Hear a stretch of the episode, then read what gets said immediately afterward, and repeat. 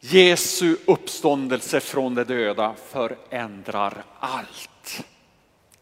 Jesu uppståndelse från de döda är en kosmisk game changer.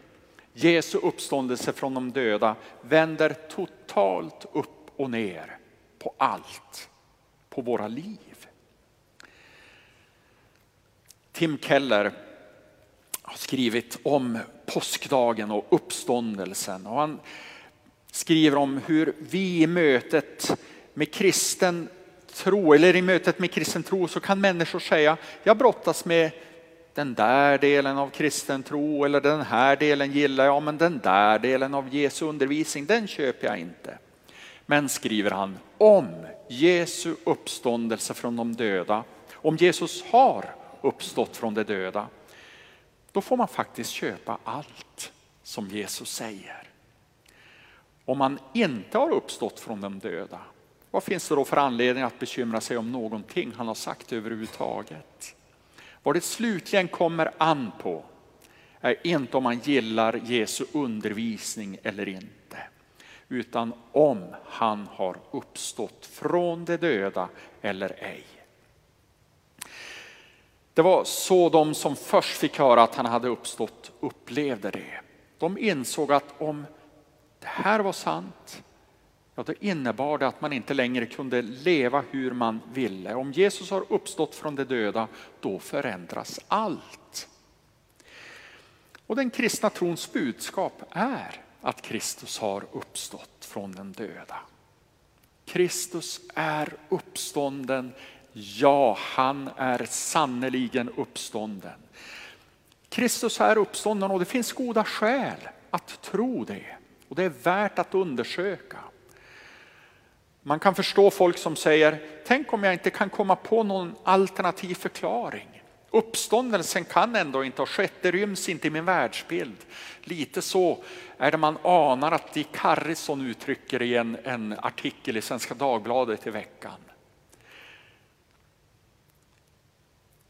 Och det är viktigt att de, vi måste se också att för de första århundradets människor så var det likadant, de kände likadant. Det ingick inte i deras världsbild heller att någon kunde uppstå från de döda. De tyckte att uppståndelsen var lika omöjlig att föreställa sig som människor idag gör. Det enda sättet för dåtidens människor att bli delaktiga i uppståndelsen var att låta bevisen utmana och förändra deras världsbild, deras uppfattning om vad som var möjligt.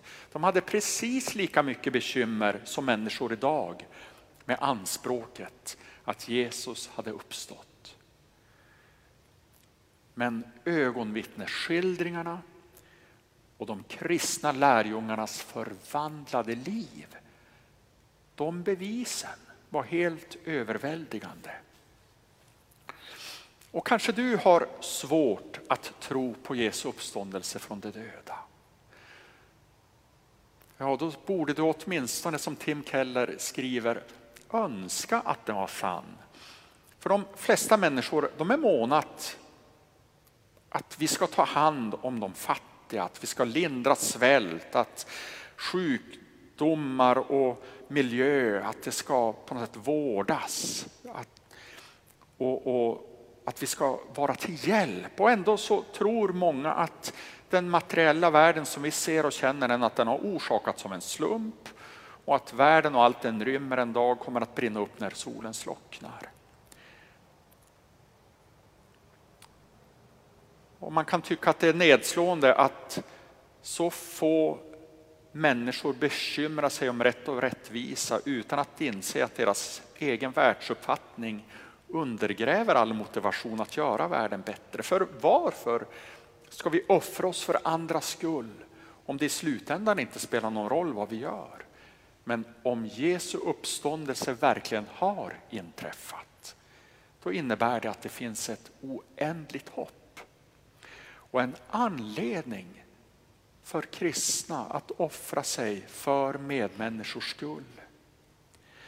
N.T. Wright, engelske biskopen och teologen, han har skrivit om Jesus bara har uppstått i någon sorts andlig bemärkelse, då handlar det ju bara om mig och att hitta hitta en ny dimension i mitt eget andliga sökande och liv.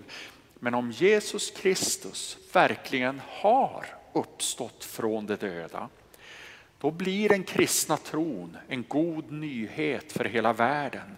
En nyhet som värmer våra hjärtan just därför att den inte enbart handlar om att värma hjärtan.